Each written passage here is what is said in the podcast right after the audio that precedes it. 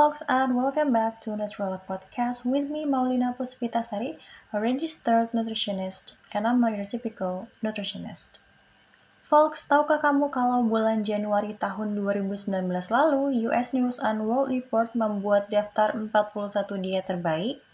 Meskipun beberapa diet dalam list itu sebenarnya nggak bekerja atau nggak cocok di sebagian orang, tapi para ahli mengambil tiga diet teratas yang disinyalir paling bagus dan cocok di mayoritas dieter.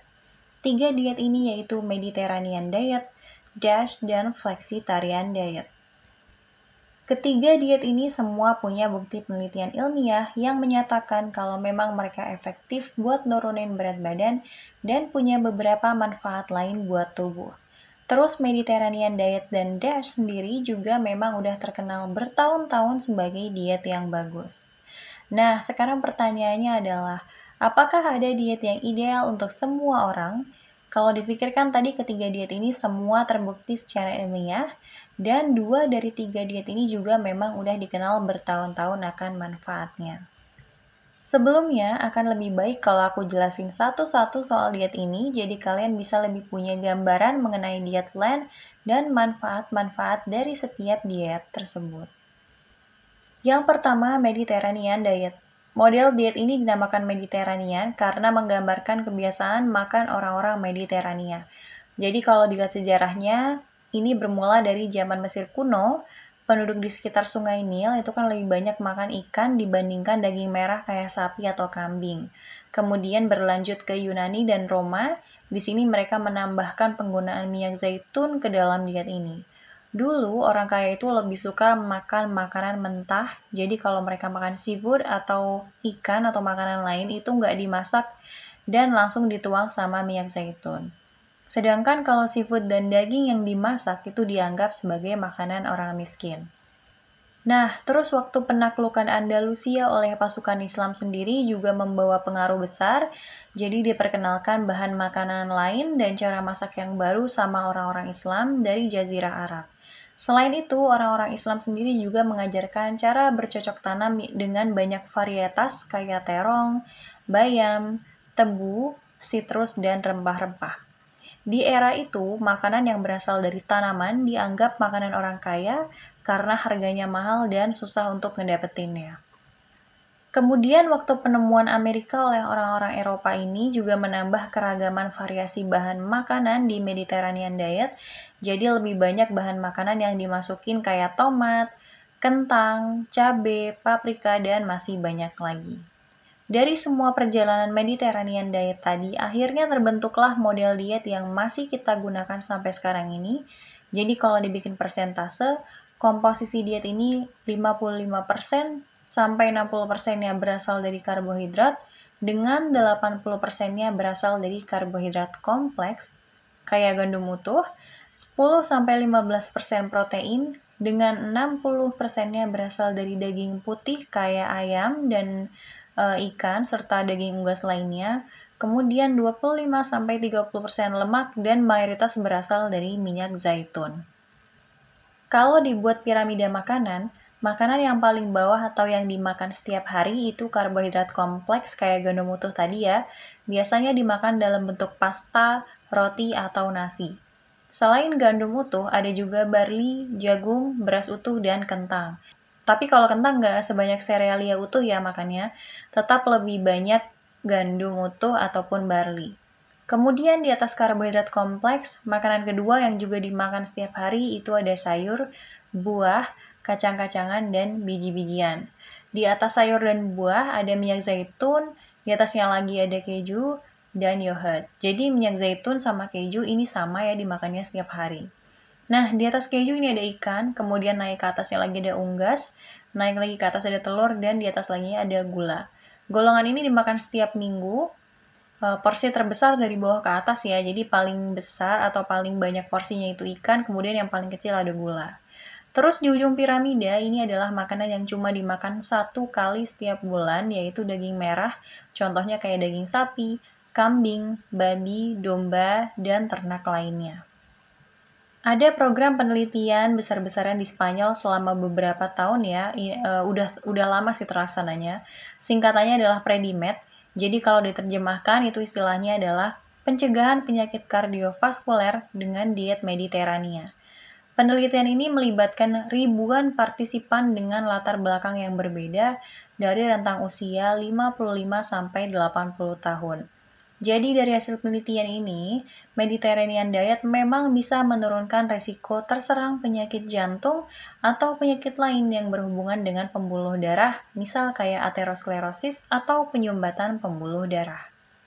Selain itu, aku juga udah menyimpulkan beberapa penelitian lain soal manfaat Mediterranean diet bagi tubuh, antara lain mencegah resiko terkena tumor dan kanker, menurunkan resiko terkena penyakit metabolik seperti diabetes mellitus tipe 2, menurunkan penurunan fungsi kognitif dan stroke iskemik.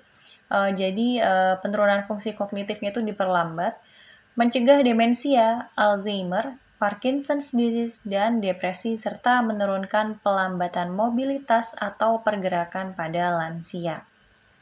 Mediterranean diet sendiri juga memiliki manfaat untuk mencegah penyakit asma pada anak-anak dan bayi BBLR atau berat badan lahir rendah pada ibu yang merokok.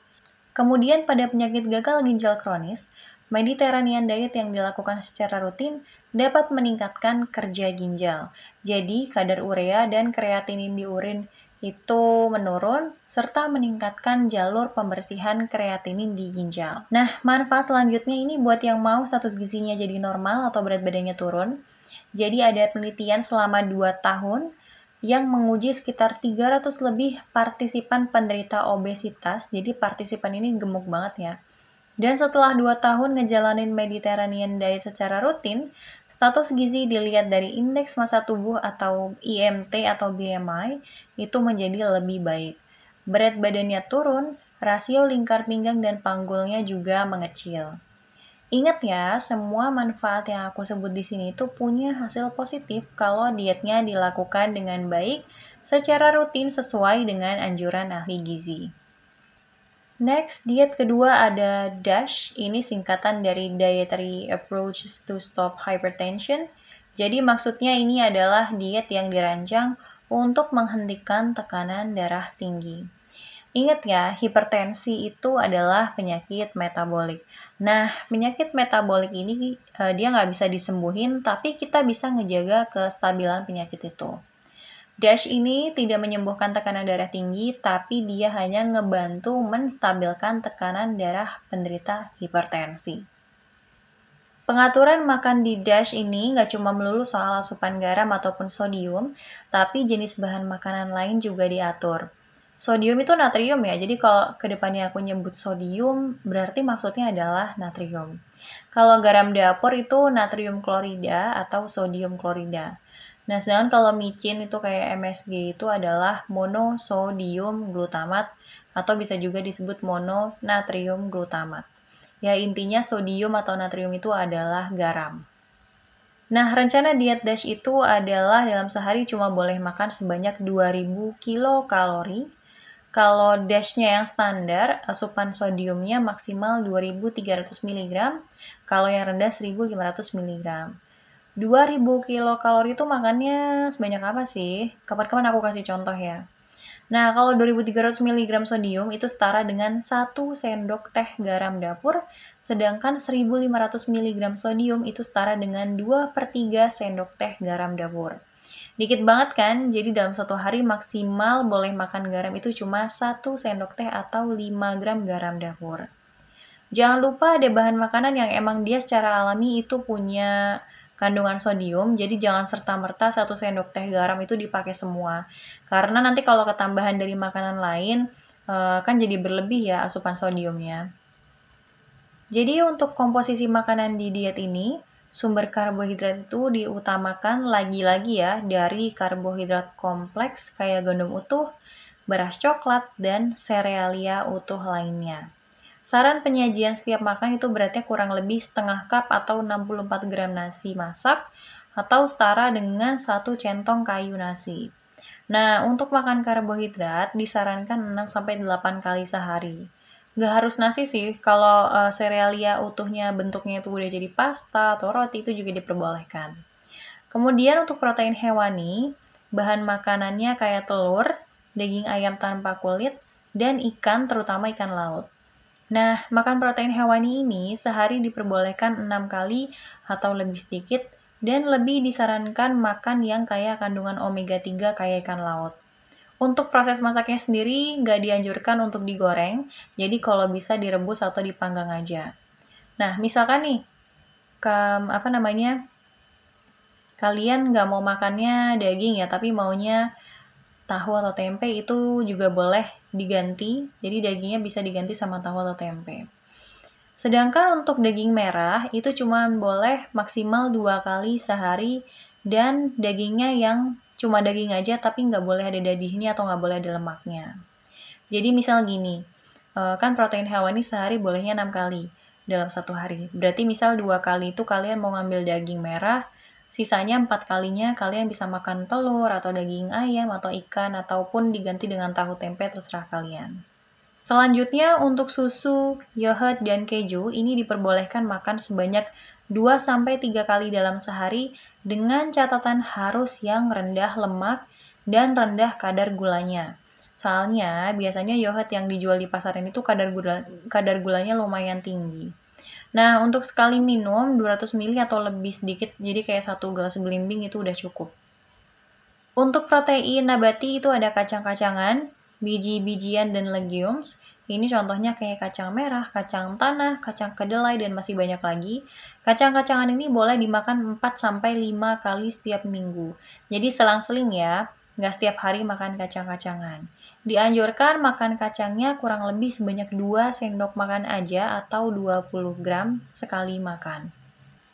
Nah, selanjutnya untuk lemak ini menurutku sih sayang banget ya karena mereka ma makanya masih pakai mayones gitu.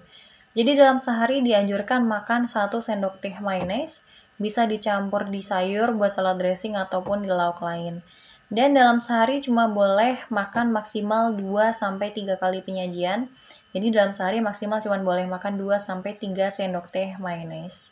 Untuk penggunaan lemak lain kayak minyak kelapa sawit, mentega, minyak kelapa itu benar-benar e, harus diminimalisir. Jadi kalau bisa sih nggak usah dipakai. Kemudian untuk buah-buahan dianjurkan makan 4 sampai 5 kali setiap hari dengan ukuran saji satu buah sedang, misal apel satu yang ukuran sedang atau pisang ataupun buah apa pun itu yang ukurannya sedang.